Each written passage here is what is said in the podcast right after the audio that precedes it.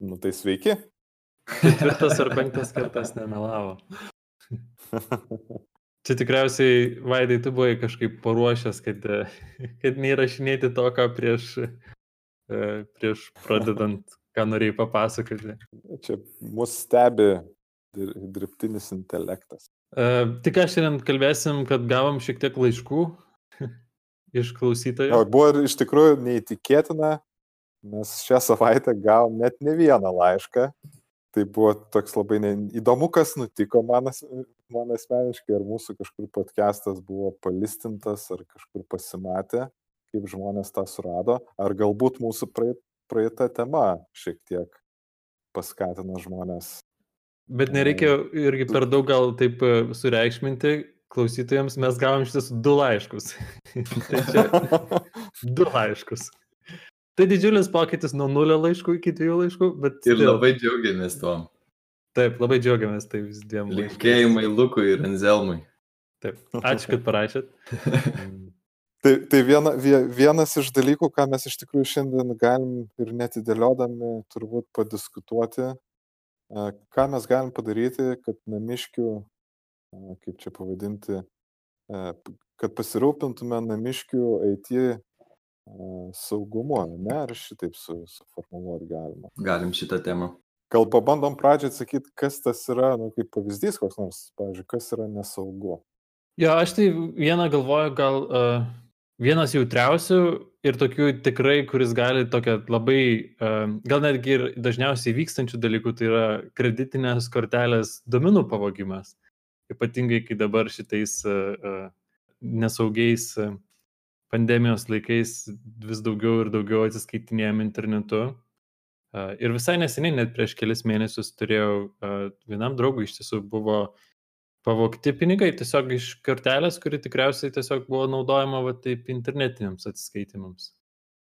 Antras dalykas, gal iškart taip galvočiau apie visokių įsilaužimai į įvairius, įvairias vartotojų sąsajas, ar tai tad būtų socialiniuose tinkluose ar kažkur kitur čia man toks jau atrodo gal biški mažiau žalos, nes daugeliu atveju gal negali taip tiesiogiai, tai kad tavo kažkokią mano SoundCloud accountą kažkas įsilaužtų, įdomu, kokios žalos galėtų tai padaryti.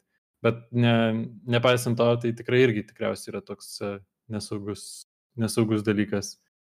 E, trečias, kuris man taip dar gal irgi atrodo retai vykstantis, ar kas gali įsilaužti į kompiuterį, ir, ir, ir pavokti kažkokių duomenų iš manęs ar iš, iš kažkokio kitos mens. Čia tokie mano pirmi trys tokie pagalvoti. Aš tai turbūt norėčiau dar pratesti šiek tiek prie, prie Edvino. Man atrodo, kad Edvinas su paskutiniu pakabino tokį labai svarbų dalyką, kad, a, tarkim, mes dažnai netgi kartais nu, nuvertinam tą tokį a, saugumo supratimą, nes, pavyzdžiui, kaip pavyzdys, jeigu įsilaužia į mano kompiuterį, kuris ten, tarkim, neturi paskutinio atnaujinimo, yra nesaugus ar ten netgi, nežinau, piratinė kokia nors e, operacinė sistema yra su, su, su, suinstaliuota, tai mes iš tikrųjų e, ne tai, kad mus ten labai galbūt smarkiai tai paveikia, bet mes tampame galime tapti kažkokio didesnio nusikaltimo dalimi. Pavyzdžiui, mūsų kompiuteris gali tapti taip vadinamo botneto dalimi, tai yra virusas apkrečia mūsų kompiuterį ir, ir tada mūsų kompiuteris yra naudojamas didelio, kaip čia, masto atakoms renkti, kas yra, kas gali būti, tarkim, labai ne, nemalonu, nes, tarkim, pavyzdžiui, kažkoks hakeris mums nežinant gali, tarkim, per mus jungtis ir e, galbūt net prisidengti mūsų tapatybę ir atlikti e, nusikalstamą veiklą ir, pavyzdžiui, pas mus gali netgi apsilankyti pareigūnai, nes galbūt tam hakeriui labai puikiai sekėsi ir jisai uh, yra, a, a, a, kaip čia pasakyti, paslėpęs savo tapatybę po mūsų tapatybę ir mes tai tada turėsime labai nema, nemažai nemalonumų.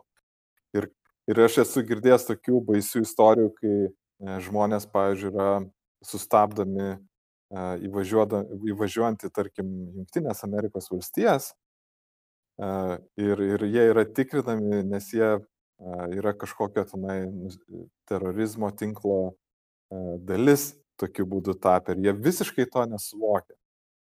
Tai čia, matyt, mano turbūt šitoje vietoje toks patarimas būtų, kad būkit labai atsargus. Pavyzdžiui, jeigu, jeigu jau įmat piratinę operacinę sistemą, visai tikėtina, kad jinai gali būti turėti jau savyje kažką tokio paslėpto. Antras dalykas, tai, nu, čia, kad apskritai piratavimas yra blogas dalykas. Bet šiaip turbūt pirma, pirma nuo ko pradėčiau, tai viską, ką mes namie naudojam, visą programinę įrangą, ją reikia pastoviai atnaujinti. Šiais laikais viskas keičiasi labai dažnai ir internetas yra labai puikiai terpė greitai ir dideliu mastu perduoti informaciją. Pavyzdžiui, jeigu kažkas aptiko kažkokią spragą, apie tą spragą gali būti, kad E, ilgą laiką žino ir, ir, ir nevidonai interneto, ir, ir geri žmonės, ir galbūt dar nėra sprendimo, tai mūsų tikslas kuo labiau stengtis atsinaujinti viską, tai kaip pavyzdys um, labai svarbu ten visus tos update'us susidėti, naršyklę atsinaujinti um, ir daryti, tarkim, netgi kitas dalykas, tai yra, pavyzdžiui, įrenginius visokius naudojam, prisiperkam iš, pavyzdžiui, pigiai kur nors tenai panaudotą įrenginį, e, telefoną. Ir viena iš tokių problemų gali būti, kad tas telefonas visai gerai atrodo, tačiau jisai jau yra kelių metų senumo ir tam modeliui jau nebėra programinės įrangos atnaujinimo. Ir, ir tai gali atrodyti, kad, o, kokį gerą dėlsą aš gavau ir kaip tik labai yra turbūt įprasta savo panaudotą gerai atrodantį telefoną, pavyzdžiui, padovanoti kažkam iš namiškių, kam galbūt tie gedžetai netokie svarbus, jie gal nėra tokie gykiški tie žmonės, puikiai veikianti daiktą, bet gali būti, kad jis jau yra nebeatnaujinamas ar e, turi kitokias problemas. Tai aš turbūt pradėčiau nuo šitų dalykų. Mhm. Aš dar padarysiu vieną tokią trumpą pauzę, aš labai noriu pasidžiaugti tavo pavartotų žodžių nevidonai. labai gerai nuskambėjo, aptarint apie tos visus e, bloguosius technologijų veikėjus. Bet iš tiesų, iš tiesų tai sutinku, man atrodo, atnaujinimų, uh, rūpinimasis atnaujinimas yra saliginai netoks ir sudėtingas, netoks ir brangus, bet labai daug vertės uh, E, ir naudos atnešantis, kad e, iš tiesų tai saugumu rūpinasi nu, visi, kurie, e, kas ir operacinės sistemas kuria, kas programas kuria, tai rūpinantis, kad gauti tai, ką jie naujausia turi išleidę, yra jo, vienas iš tokių, tokių užsi, užsitikrinimų, kad uh, tikrai tavimi gal mažiausiai gali tuomet pasinaudoti, žinant kažkokį viešą spragą technologijose. Aš vad ką tik dabar mokiausi ispanų kalbos vienoje populiarioje programėlėje ir ten buvo toksai sakinys, kuris sako, kad e, atėjo mano pusbrolis, atėjo mano dėdė ir suinstaliavo į mano planšetę keistą programą. Tai čia irgi yra... Ar gali pasakyti ispaniškai? Kad, jo, tai buvo ispaniškai, aš dabar gal neprisiminsiu tiksliai, kaip tas sakinys buvo suformuoluotas, bet, bet e, čia irgi yra vienas iš tų dalykų, kad mes turim prisižiūrėti, iš kur ir ką mes instaliuojamės, nes aš esu matęs tokių dalykų, kaip mm, ateina tavęs netgi kartais nepažįstami žmonės, aš, pavyzdžiui, esu dirbęs vienoje didelėje įmonėje ir ten atėjo iš kitos skyriaus darbuotojai ir paprašė, kaip ant šito kompiuterio suinstaliuoti jų astrologinę kažkokią programą. Ir, ir man iš, iš, pir, iš pirmo toks vat, kilo klausimas, tarkim, kodėl jie manim pasitikė, kad aš tą galėčiau padaryti ir apskritai, kas ta astrologinė programa, jeigu tu net nežinai, kaip ją susinstaliuoti. Ir man atrodo, kad vat, mes visada turėtume gerai pagalvoti ir neinstaliuoti bet ko į savo kompiuterius. Ir tai yra vienas iš tų tokių kaip ir didesnių rizikų, kad e, dabar labai populiaru tiesiog į Google išsi, googlinti kažkokių dešimt populiariausius ten e, programinės įrangos, bet be kurios tu negali gyventi ir ten paaiškėja, kad jos yra iš tikrųjų turi kokį nors tenai prisektą dar kenkėjišką funkcionalumą, kuris, pavyzdžiui, renka ar asmeninius duomenis, ar ten tave irgi kažkaip kitaip tenai kortelės duomenis, pavyzdžiui, susirenka ir, ir panašių dalykų. Tai man atrodo, visų pirma, neinstaliuokit, antrą jau čia, turbūt neinstaliuokit to, ko nepažįstat, ypač kas yra keista, turbūt verta bet ką instaliuojant pasitikrinti kelis kartus. Aš asmeniškai labai mėgstu atviro kodo programas, nes jos turi tą savybę, kad kuo skiriasi, pavyzdžiui, nuo to uždaro kodo arba taip vadinamų proprietary programų, kad atviro kodo programas, jų išeities kodą gali žiūrėti bet kas ir, ir gali atkreipti galbūt į kažkokius nekokybiškus su saugumu susijusius dalykus ir juos pranešti ir tie dalykai gali būti pataisyti. Kai tuo tarpu su uždaro kodo programomis tai yra gerokai sunkiau, reikia, kad kažkas specialiai to užsimtų ar, ar, ar panašiai. Tai turiu tokį klausimą, kaip čia dabar paprastiem žmonėm, ne, ne ne tokiem techn, technologam dideliem, kaip, kaip jiems čia reikia šitą assessmentą daryti, kaip čia reikia žmonėm žinoti, kad va, šita astro mano horoskopų programėlė yra nekenkėjiška. Nu, matyt, turbūt viskas priklauso, sakykime, nežinau, jeigu kažkokia, jeigu tai yra telefono programėlė, nu ten tarkim Apple'as, jisai matyt daro gana didelį auditą saugumo, tai čia jau matyt sunkiau bus tokią programėlę gauti, nors turbūt irgi kartais prasprūsta ten visur, visur tokių dalykų, nes tai yra dideli kiekiai ir sunku sukontroliuoti.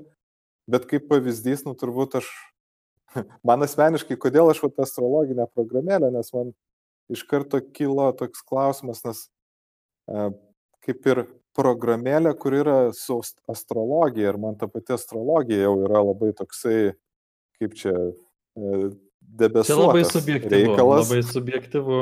Ir, labai subjektyvu. Ir, ir man atrodo, kad čia jau iš karto gali būti galbūt į, įvilioti žmonės į vien dėl to, kurie mažiau supranta apie technologiją ir labiau yra linkę, pavyzdžiui, tikėti horoskopais, galbūt jie yra labiau pažeidžiama grupė ir, tarkim, dėl to man tas toksai šabloniškas pasirodė pavyzdys, kur aš iš karto, kaip čia pasakyti, išsitrigerinau, nes man, o tai kaip čia dabar yra? Ir tada pradedi galvoti, o kas dar atsitiko, koksai įvykis dar atsitiko ir tu tada supranti, kad, okei, okay, pas tave atėjo su kompiuteriu, nors tu nepažįsti žmogaus, tiesiog atėjo pabeldė duris ir paklausė, ar jūs galit padėti. Nu, galim padėti. Ir Ir, ir tai gali būti, nu, įvairių sutapimų ir galbūt aš net to įmonėje nedirbu. Galbūt tą dieną aš ten sėdėjau tam kabinete ir aš suinstaliuoju ir astrologinę programėlę, bet ir suinstaliuoju galbūt kažką kito, susikuriu savo akantą tame kompiuteryje ir tas žmogus nieko nežino ir aš turiu dar vieną įrankį atlikti savo nevidoniškiam darbeliam. Čia labai sunku iš tiesų yra, kad tikrai yra sunku pasitikėti ir ypatingai ką, ką, ką įsidėgiant į kompiuterį.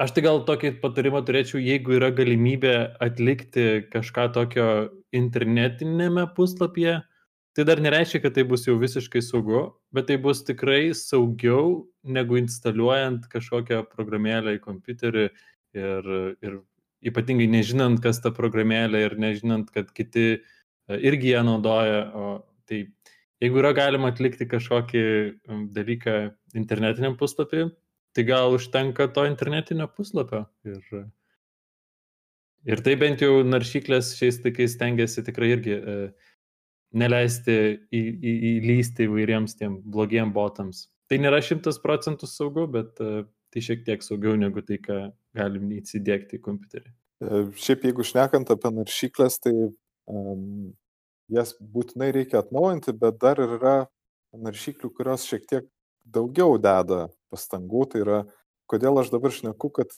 mes dažnai nesusimastom apie tas naršyklės, nes mes patys naudojam turbūt tuos populiarias ten Chrome ar ten Firefox ar, ar panašiai, bet yra, bet yra visokių, tarkim, kiniškų įrenginių, kurie ateina su su programėlė, kuri vadinasi internet. Ir, ir, ir ta programėlė neaišku iš tikrųjų, ką daro, neaišku, kur duomenys siunčia. Ir, ir, ir tuo irgi reikia būti atsargiai. Internete, kur daugiau. Šiaip aš asmeniškai naudoju dvi naršyklės. Tai tokiem kaip ir darbiniam reikalam naudoju Firefox, savo telefonuose ar ten planšetai naudoju Brave naršyklę.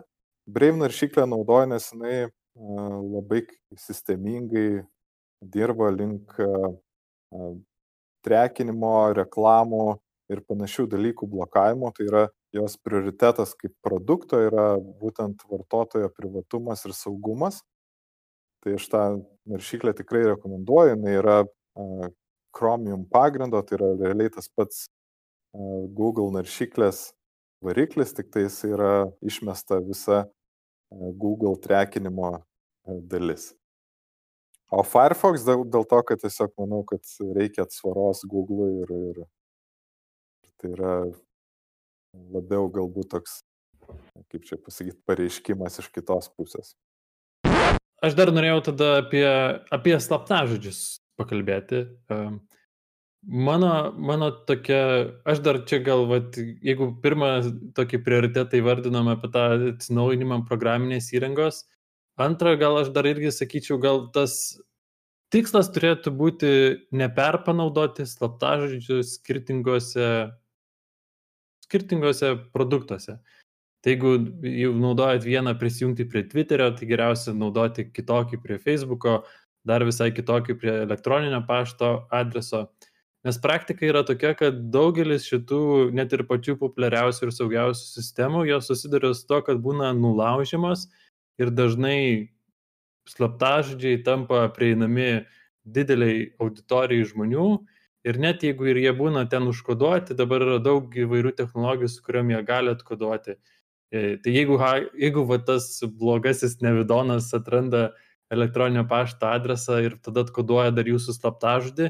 Pirmas dalykas, ką jis gali pabandyti, tai pabandyti prisijungti prie visų kitų vartotojų nu, produktų ir panaudoti tos pačius elektroninio pašto adresą ir slaptažodį. Ir taip gan lengvai. Todėl tie, kurie naudojate visuomet vieną ir tą patį slaptažodį, iš dalies tai toks tikrai, man atrodo, yra nesaugus dalykas. Kaip jūs elgiatės su slaptažodžių valdymu ir, ir ir administravimo. Aš tai dar čia dėl, dėl tų slaptažodžių noriu taip trumpai pridėti, kad tie slaptažodžiai, kurie jau yra kažkada pavokti, tai jų irgi jau nebegalima prisiminti ir naudoti, nes jie dažniausiai yra kažkokiuose tų nevidonų duomenų bazėse ir jie turi pasirašę programinę įrangą, kuri tiesiog automatiškai visur bando jungti su, toj, su tuo slaptažodžiu, su tuo username, tai yra perpanaudoti. Ir tuo mhm. pačiu visokie standartiniai žodžiai, tokie kaip tenai, nežinau, tėtis, mama ir, ir, ir me, gimimo metai ir panašiai. Tai password 1, 2, 3. Password 1, 2, 3 ar tenai 6, 5, 4, ten taip toliau, tokie va dalykai, jie jau seniai yra tose duomenų bazėse ir jie, yra išbandomi automatiškai. Dėl to tas slaptažodis turi e, kiek įmanoma atsitiktinis būti ir ir nepriminti žodynę egzistuojančių žodžių. Hmm. Ar prisimenat, kokia yra ta svetainė, kur galima pasitikrinti, ar, ar, ar apie mano slaptažodį e, niekas. E... Have I been pwned? O, mhm. taip, gerai. Tai įdėsim šitą į nautus. Tai ten beras galima įvesti savo, vartot, savo e-mailą ir mes sužinosim, kiek kartų mūsų e-mailas buvo jau rastas nulaužtose domenų bazėse, ar ne? Mhm. Aha. Tai kaip jūs valdot slaptažodžius? Tadai, kaip, kur tavo, tu naudoji visur vienodą slaptažodį, kaip dažnai keiti slaptažodį? Aš naudoju šitą programėlę OnePassword, tai visur naudoju kitokį slaptažodį. Ir, ir viskas. Tai šitą ir visai rekomenduočiau. Tokia gan, gan draugiška, tik tai jinai nėra nemokama, bet yra ir nemokamų alternatyvų. Čia Vaidas gal papasakos dar. Jo, yra, pavyzdžiui, aš nenaudoju tokios, kaip čia pasakyti, su daug tokių funkcionalumų kaip OnePassword, bet yra su Firefox ateina toksai Lockwise kurį galima paskui kaip programėlę susinstaliuoti savo telefoną ir panašiai. Tai labai panašių principų veikia. Aš dažniausiai iš tikrųjų tos slaptažodžius uh, ranka įsivedinėjau, ne, ne, nes yra ir buvę irgi jau iš istorijų tokių, kaip, pavyzdžiui, yra tokia open source programėlė, kuri irgi alternatyva yra OnePassword, man atrodo, Bitwarden vadinasi, ar kažkaip panašiai. Tai kadangi jinai open source, tai ten žmonės labai dažnai randa kokiu nors įdomių patternų, kurie yra nepakankamai saugus, tai aš stengiuosi iš tikrųjų riboti netgi kaip ta programėlė gali, tarkim, prieiti prie mano, nežinau, naršyklės, e, riboju, kad jinai automatiškai ten nesiūstų mano prisijungimo ir panašių, va tokių dalykų nedarau. Bet iš tikrųjų tai yra, yra open sourcinės programėlės, yra OnePassword, kuri turbūt yra čia lyderis, e, e, jos tikrai, man atrodo, turi gerą reputaciją ir jas reikėtų naudoti. Ir dar vienas turbūt dalykas prie to pačio, kad vien tik slaptažodžio tai neužtenka. E, jeigu turit kažką svarbaus, ypač kas yra susijęs su finansinė informacija, su privačiu gyvenimu, su, nežinau, netgi elementarus dalykas e, e, socialiniai tinklai, manau, kad privalu naudoti tą taip vadinamą antrą faktorių, kas nežino, kas yra antras faktorius, tai turbūt e, daugeliu, bent jau Lietuvoje, yra pažįstama, e, kaip sunku yra kai kurios bankus įsiloginti. Tai būtent tai yra sunku dėl to, kad bankai naudoja tą vadinamą antrą faktorių. Tai dažniausiai šiuo metu turbūt vienas populiariausių yra arba yra kažkokia programėlė, kuri generuoja kodą ir tą kodą paskui reikia papildomai paslaptažodžio suvesti, arba mes naudojam, pavyzdžiui, inter, šitą kaip jis vadinasi, mobilų parašą. Tai mobilus parašas yra irgi, tarkim, vienas iš būdų, kaip būti antrų faktorių. Tai visas principas, kodėl to antro faktoriaus reikia, tai yra jeigu staiga jūsų slaptažodį kažkas atspėto, tai yra įmanoma dėl kelių priežasčių, pavyzdžiui, galbūt neslaptažodį atspės, bet ras spragą, kaip tenai, nežinau, tą duomenų bazę pavokti su slaptažodžiais. Ir jeigu jūs turėsit antrą faktorių, tai tas antras faktorius, jeigu jisai veiks, tai jisai jūs automatiškai gausit, pavyzdžiui, pranešimą ar į telefoną, ar, tas, ar bus kažkur paprašyta įvesti kažkokį kodą ir, ir žmogus, kuris norės, nežinau, pavokti iš jūsų banko pinigus ar parašyti meilės prisipažinimą kolegai, jisai negalės be jūsų žinios tą padaryti. Tai, tai yra gana svarbu ir manau, kad tikrai labai naudingas dalykas. O kalbant apie tos vat, populiariausius, toks, bent jau uh, tai yra galimybė, kai įjungi tą antrąjį faktorių, nuskanuoji QR kodą ir gali gauti tą koduką, kuris kas 30 sekundžių keičiasi. Ką ir kokį, kokį įrankį naudojat kaupti visiems šitiems antrojo faktoriaus uh, laikiniems kodams, kurie būna reikalingi tuomet prisijungti? Aš tai esu iš, iš, iš darbinės istorijos, tai Google Authenticator naudoju. Nežinau, ar tai yra numeris vienas pasirinkimas, tiesiog e, šitoj vietoj kaip ir pasitikiu tuo produktu.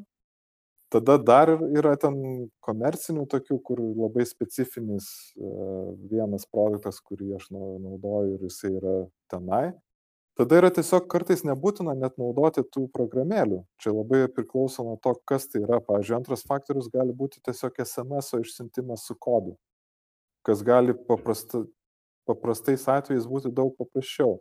Tarkim jeigu jūs turite nežinau kokį nors akauntą kur labai retai reikia prisijungti tai tas esemesas yra gerokai patogesnis, man atrodo, dalykas, nes nereikia. Labai nemėgstu SMS. Papasakok tą, kodėl. Aš tai, ne, aš tai nekenčiu SMS su šitų autentikacijų. Ne, nu viena tai, kad ten, aišku, irgi yra saugumo klausimų su SMS, bet kitas dalykas, tai, nu bent jau aš šiaip gal net nenaudoju visą gyvenimą to pačio telefono numerio. Ir aš, kai, kai esu keitęs numerį daug kartų ir, ir, ir, kelia, ir kraustęsis į, į skirtingus kraštus, tai man esu nudegęs ne vieną kartą su tais SMS-ais, kai ten paskui negalima pakeisti lengvai to telefono numerio ir jeigu neturi prieigos prie to numerio e, ir ten košmaras, tai aš tai labai taip nemėgstu jų. Čia labai gera tema yra. Mm. O kokią tu programėlę naudoji, kur tu? Galim ir, pa, galim ir pa, pagvildenti. Nes šiaip tai, žinai, manau, man tai čia toks truputėlį gal e, irgi čia dabar meta, meta klausimas. E, nes šiaip įdomu, įdomu čia padiskutuoti kai kuriuom šitom temom ir, ir įdomu, kaip čia dabar gerai mums nuspręsti ir, ir gerą balansą rasti tarp to, nežinau, edukacinio kažkokio, ar, ar čia bandymo kažkaip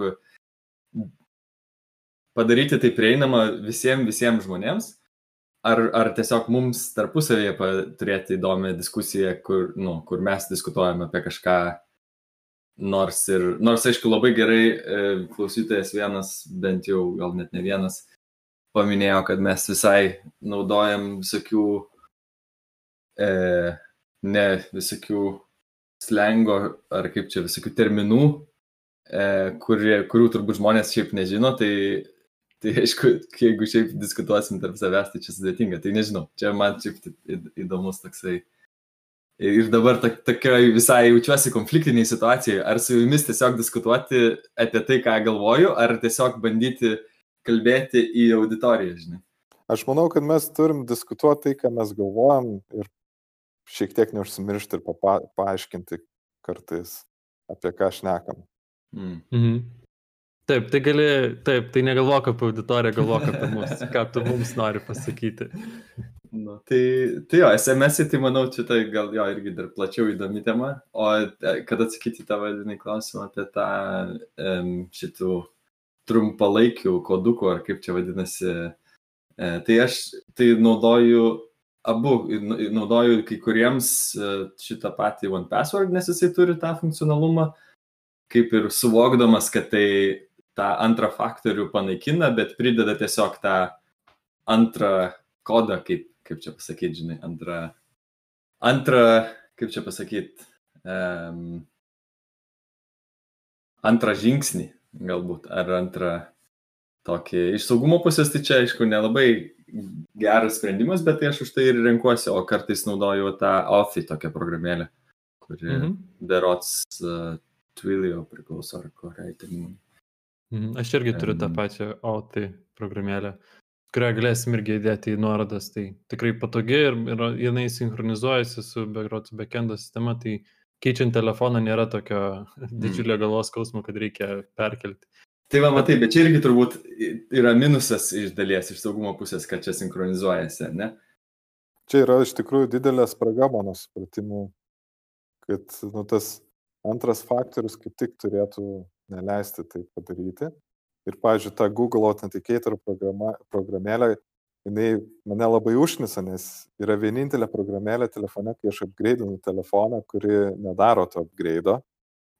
Tai, tai šitoje vietoje yra žiauriai užknisantis dalykas, bet iš tikrųjų tai yra padaryta dėl saugumo. Mm. Kaip iš tikrųjų šitą reikėtų spręsti, aišku, kai mes turim jau labai daug tų faktorių ir, ir, ir iš tikrųjų prisirenka nemažai, tai pasidaro nu, toks e, dalykas, kai tada pradedi galvoti, ai, nu, tiek to jau ir ten turbūt kažkuriems servisams sakai, kad bala nematė, e, bet e, iš tikrųjų teisingas koks kelias būtų, tai yra mes mes galim, pažiūrėjau, netgi kaip Tadas sakė, ai, keičiu telefono numerį ir nebeveikia mano faktorius. Bet gali būti, kad, pažiūrėjau, sudaužus telefoną nebeveikia faktorius arba jį pavogė tą telefoną. Yra daug visokių situacijų ir tas faktorius gali būti rimta problema staiga tapti, iš, iš saugumo į problemą pavirsti. Tai šitoje vietoje yra na, dažniausiai tokie yra sprendimai, kad yra, gali būti dar vienas koks nors alternatyvus faktorius, pavyzdžiui, Google'as dažnai paklausia, ar, ar gal man siūsti SMS. -ą. Tai vietoj to, kad, pavyzdžiui, jeigu tu turi tenai kažkur programėlę susikonfigūravęs ir tu persikeliai SIM kardą į kitą telefoną, tu gali paprašyti SMS. -o. Tada kitas dalykas yra recovery, tai yra, kai susikūrėt antrą faktorių, dažniausiai labai tingisi išsisaugoti ir atsispausdinti recovery kodus kažkur ir juos slaptai pasidėti ten. Ar į seifą, ar kažkur, ar, ar ten, kur niekas nesupras, kas tai yra. Tai yra gana svarbus dalykas, nes įvykus rimtai bėdai, tai gali būti e, labai naudinga informacija jums patiems. Tai čia yra matyt nu, tie tokie esminiai dalykai. Aš netgi anksčiau turėdavau tokį atsarginį telefoną, su kuriuo nuskanuodavau tą patį QR kodą ir turėdavau dviejose telefonuose tą, tą, tą veikiantį e, programėlę, bet taip jau nebedarau. Bet man tai būdavo patogu, nes esu porą kartų palikęs namie telefoną ir, ir, ir norėjau kažkaip tą dalyką kad nereiktų eiti į darbą, tai aš e, darbę turėdavau seną telefoną, kuris yra išjungtas ir ten jis įjungia ir ten būdavo mano tas autentifikatorius, e, time-based generatorius. Mm. Tai galėtum turbūt ir atsispausdinti tiesiog tą QR kodą ir irgi pasislėpti kur nors saugiai. Jo, bet man tada reikėtų recoverintis ir mano tada tas kitas nebeveiktų. Nu, čia tokių yra mm. E, niuansų, čia yra, šio, čia yra, kai tiesiog tu nori kelis juos turėti. Kas irgi yra saugumo prasme jau šioks toks, man atrodo, pažeidimas, nes tu tą faktorių turėtum saugiai su savim kažkur laikyti. Mm. Nu jo, tai čia manau, kažkaip su šitu, čia taip, žinai, diskutuojant, labai greit prieini tokį, nu kažkaip visi randa savo turbūt kažkokį to spektro dalyje, kažkokią savo vietą, kurie, kurie nusprendžia, okei, okay, aš prisimsiu tiek rizikos ir tiek patogumo turėsiu, arba tiek nepatogumo turėsiu ir tiek saugumo turėsiu, ar panašiai. Tai yra, yra ir kitų gal nepaminėjom būdų, čia visokių galima dar turėti papildomų raktelių, kurie gali būti tavo kitas faktorius. Toks kaip YubiKey? Mhm. Mhm. Gali gal trumpai papasakoti, kas, kas tai yra per principas, tas YubiKey?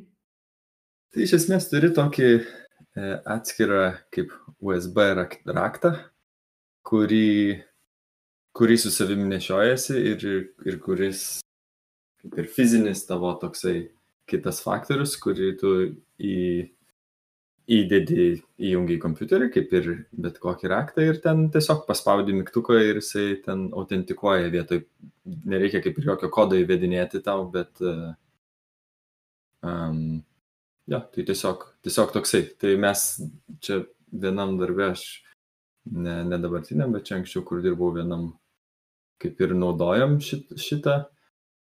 Tai irgi irgi turi savo nepatogumų aspektų, aišku, bet e, visai toksai neblogas sprendimas. Hmm. Ar naudojat biometrinius prisijungimus? Ne. O kas tai yra? Na, piršto anspaudas, pavyzdžiui, arba veido atpažinimas. Ar, o, telefonė naudoju. Kompiuterį irgi yra piršto anspaudo, bet tik tais šiuose uh, renginiuose, kur Apple yra sukūrusi tokią lengvą prieigą.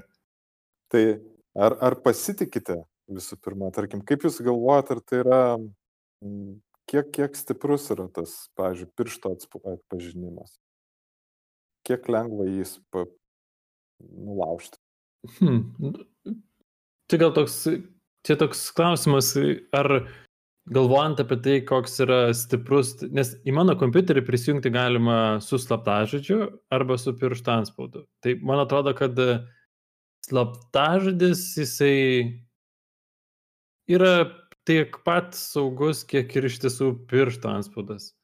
Aš manau, tiek tas, kuris labai norėdamas įsilaužti mano kompiuterį, jis gali išleisti tiek pat energijos ir vienam ir kitam dalykui, kaip ir uh, sužinoti ir tada, ar par, susimuliuoti tą pirštą ir tada tai įsilaužti. Tai mano bent jau perspektyva atrodo, kad uh, techniškai tikriausiai gal piršto anspaudas yra mažiau šiek tiek saugus, bet čia dar irgi priklauso, kokį slaptažodį naudojam kiekvienas.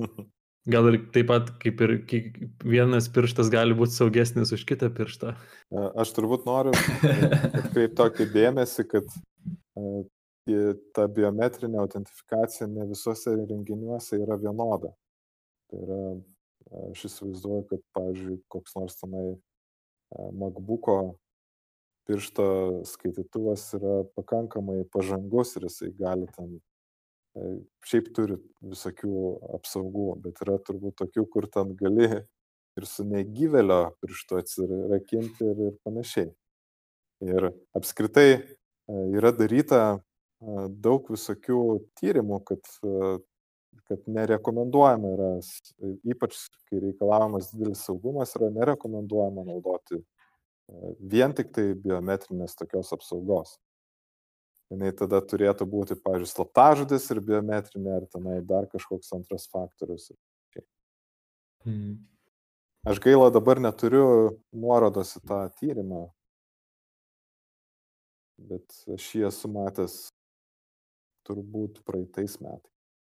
Hmm. Šitos temos visą laiką taip į, į, į tokį niur, niur, niures išvadas galiausiai veda, kažkaip liūdna viskas tampa.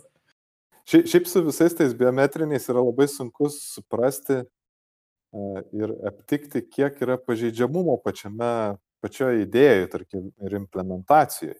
Nes, sakykime, su slaptažodžiu, nu kaip ir viskas aišku, jeigu yra tenai nežinau, 11 simbolių slaptažodis, galima suskaičiuoti, kiek šio laikiniam priemonėm, pavyzdžiui, užtruktų atspėjimas, ypač žinant, kad yra tokios apsaugos, kurios, tarkim, kompiuteris paprastai neleidžia e, kosminiu greičiu tenai suvedinėti tų dalykų, jisai dažniausiai po kelių bandymų e, tave pradės priverstinai stabdyti, darys pauzelę arba net sakys, e, bičiuli, palauk, ten pusę minutės ir galėsi tik tada vėl. Ir tai yra daroma tam, kad mes tiesiog atėję su žodynu nesautomatizuotume e, ir neperinktume tų slaptažodžių.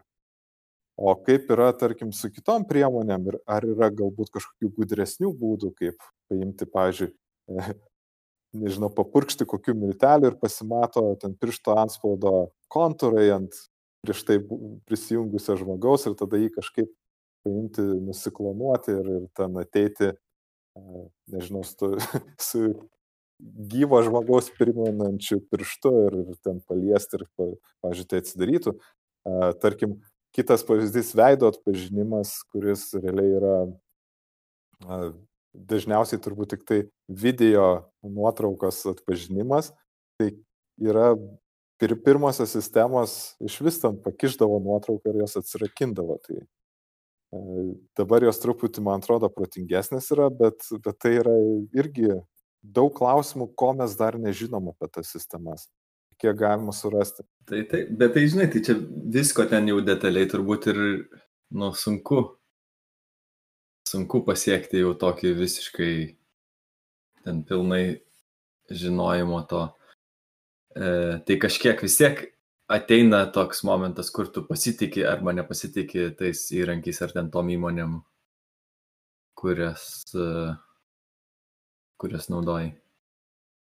Matai, kartais galima labai pasitikėti, bet yra kitas dalykas tiesiog elementaru, kiek, pavyzdžiui, kažkokiame sprendime yra sudėtingumo ir kiek tas sudėtingumas leidžia padaryti, nu, taip, taip. kuria daugiau erdvės klaidai. Ir man atrodo, mes visi neapsaugoti nuo tos klaidos. Tai aišku. Ir čia tas turbūt skep, skeptiškas mano požiūris, kad viskas turi būti kiek įmanoma labiau atvira, nes tada galbūt kažkas, nežinau, atidesnis negu aš pastebės kažką kito, arba kad viskas turi būti ypatingai trivialu, kad man nereikėtų daug galvoti, kur čia kažką reikia padaryti, kad, kad tas gerai suveiktų. Mm.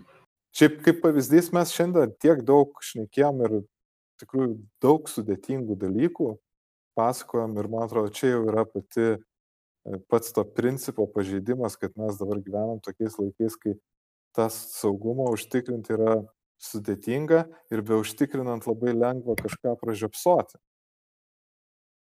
Pavyzdžiui, galbūt mes sukursim visur atsitiktinius tos slaptažodžius, bet e, one, one password slaptažodį kažkas bus su nuotrauka ar su kamera nufotografavęs, kaip, kaip mes susivedam ir mes to nežinosim.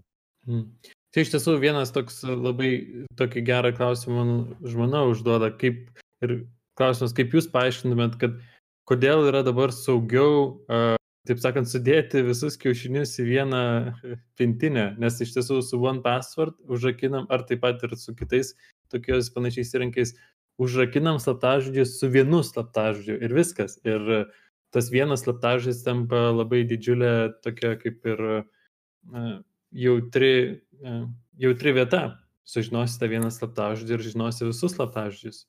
Kaip jūs čia labai, ger, labai gera pastaba, nes iš tikrųjų jinai yra teisinga.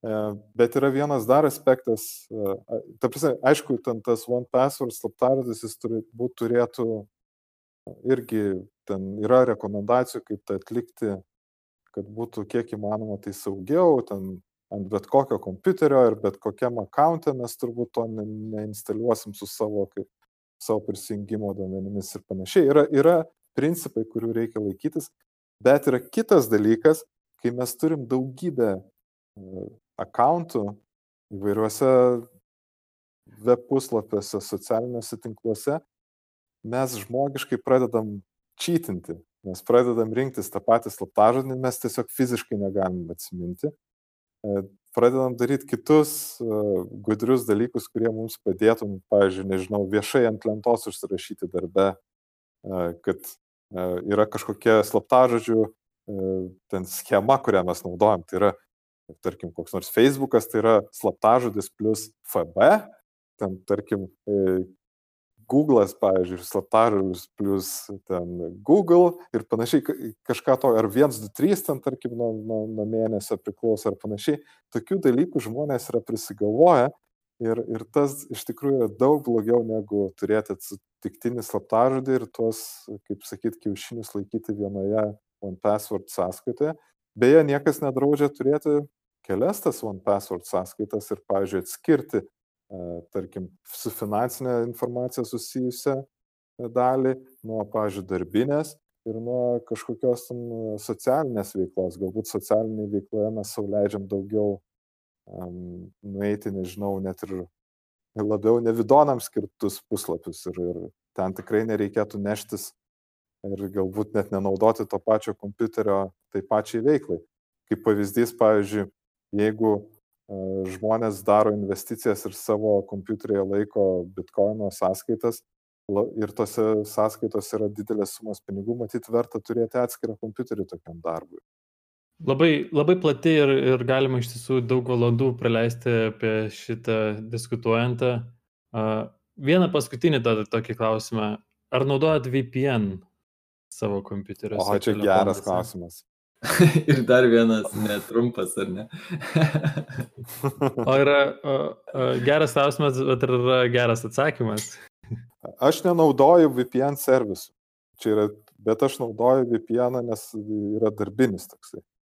Ir kartais mm. man dėl kitų priežasčių tenka VPN panaudoti, bet jis yra tikrai nesusijęs su, su tuo, kuo reklamuojasi VPN paslaugų teikėjai. Tai yra Aš nemanau, kad tai duoda pakankamai ten kažkokio saugumo. Šiaip jeigu apie saugumą VPN paslaugų šnekėti, tai, e, sakykime, jeigu mes darysim nusikaltimą, aš manau, kad pas VPN providerį atėję, ten, nežinau, FBI pareigūnai, jie išsimuš e, pagal įstatymus, e, kas tą nusikaltimą daro. Tai reiškia, mes nelabai pasislėpsim šitaip, nebent apgausim kažkaip tą patį VPN providerį. Tada yra kitas dalykas, kur galbūt VPN visai ir padeda. Tai pavyzdžiui, nežinau, mano namuose galbūt, kurie yra Vilniuje, e, nerodo, tarkim, Netflixo kažkurio filmo ir dėl to VPN gali būti visai patogus dalykas prisijungti ir apsimesti, kad aš jungiuosi, pavyzdžiui, iš, nežinau, Amerikos. Tai yra turbūt tas, tas dalykas. Arba kitas dalykas, kur VPN labai puikiai gali padėti, tai yra įsivaizduokit, kad jūs esat paauglys ir jų mama neleido eiti į žaidimų websaitus. Ir, ir Todėl klausykit puikiai, mamos ir neikit. Jo, ir jinai puikiai tą trekiną, jinai susinstaliavo routeryje, ten žiūri, kur jūs iš tikrųjų lankotės, kokie domenai ir taip toliau. Tai VPN gali būti tas sprendimas, kuris gali padėti pasislėpti nuo mamos. Bet tai iš tikrųjų nėra priemonė savo, kaip čia, kažkokių garantijų apie saugumą turbūt neduoda. Galbūt VPN yra visai naudingas dalykas viešose vietose jungiantis prie interneto. O tadai tu naudoji? Ar tu tiki VPN saugumą? Jo, tai aš naudoju gal irgi va tokiais dviem, dviem šitais bent jau paminėtais vaido uh, atvejais tai vienas, kai, kai man reikia IP turėti ne, ne to vietoje, kur aš esu, dėl kažkokių, klaus, dėl kažkokių klausimų. Kartais netgi noriu, pavyzdžiui, patestuoti e, kažką, prie ko dirbu, kaip tai veiks iš kitos šalies ir panašiai. Kartais yra ten kokie nors prieigos apėjimo klausimai, bet e, tai va čia toks vienas, e, viena priežastis, o kita tai, tai jo, kai, kai būnu e, kažkaip kažkokiam viešam Wi-Fi, kur man reikia Wi-Fi'aus, bet aš dažnai netgi aš turiu iš, iš namų VPN savo pasikūręs, tai prie jo galiu prisijungti ir, ir man tas iš, iš, iš esmės kaip ir padeda jau tuo, tuo atveju. Mhm.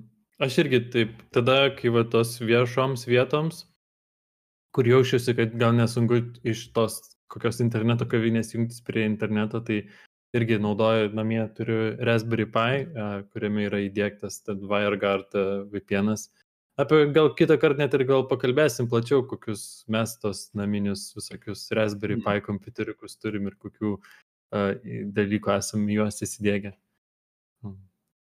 Jo, čia visai, manau, netgi buvo toks prašymas. Bet smagi tema, manau, čia mes gal net visai ir patys norėjom gal apie tai pakalbėti kada. Mhm. Tai nežinau, o saugumas, tai čia, manau, daug ko labai nepalėtėm ir dar taip tik tais pagraipstėm šiek tiek. Tai nežinau, turbūt, turbūt ir ne, neapimsim pilnai šiandien tos temos. Mhm. Ir kažkada tikriausiai reikės. Aš manau, kad niekad ne, neįmanoma būti šimtų procentų saugiu. Galima tik tai turbūt tai. stengtis būti uh, nuovokiu, kad visada gali būti tam tikra rizika ir tas rizikas valdyti kažkiek. Mm. Taip, būkime budrus ir, ir galvokim, kad visur pilna nevidonų, kurie nori pasinaudoti mūsų technologiniam spragom. Jo, ir gal, manau, galime turbūt kokią nors konkrečius klausimus bandyti dar pa, panarplioti, ar bent jau kaip patys elgiamės kokiuose konkrečiuose situacijose, ar, ar ką, kažką taip siauriau apie saugumą, nes taip plačiai tai tikrai kažkaip sunku apimti. Tai jeigu turėsit klausytojai kokių konkrečių klausimų, vienu ar kitu parašykit mums, mes matėt podcast'o pradžioje girdėjot, kaip mes labai džiaugiamės kiekvienu gautų elektroninį laišką. O mus galima sekti, kur mus galima sekti? Mus ga... Aš, pavyzdžiui, prenumeruoju mus per RSS readerį, kas visai įdomu, nes turiu tokį podcast klausimo tokią programėlę, kuri leidžia tą daryti. Taip pat mus galima visokiose podcastų listinguose rasti, Apple podcastuose, Google turbūt podcastuose ir galbūt net Spotify, ar Spotify nėra mūsų. Esam ir Spotify, tai galima rasti mūsų ir Spotify. Tai ką, tai šiandien tiek ir susikalbėsime po dviejų savaičių. Jo, iki ir geros pilkos savaitės. ir šiandien dar penktadienis 13, kai įrašinėjom. Tai tikiuosi visiems bus gera diena.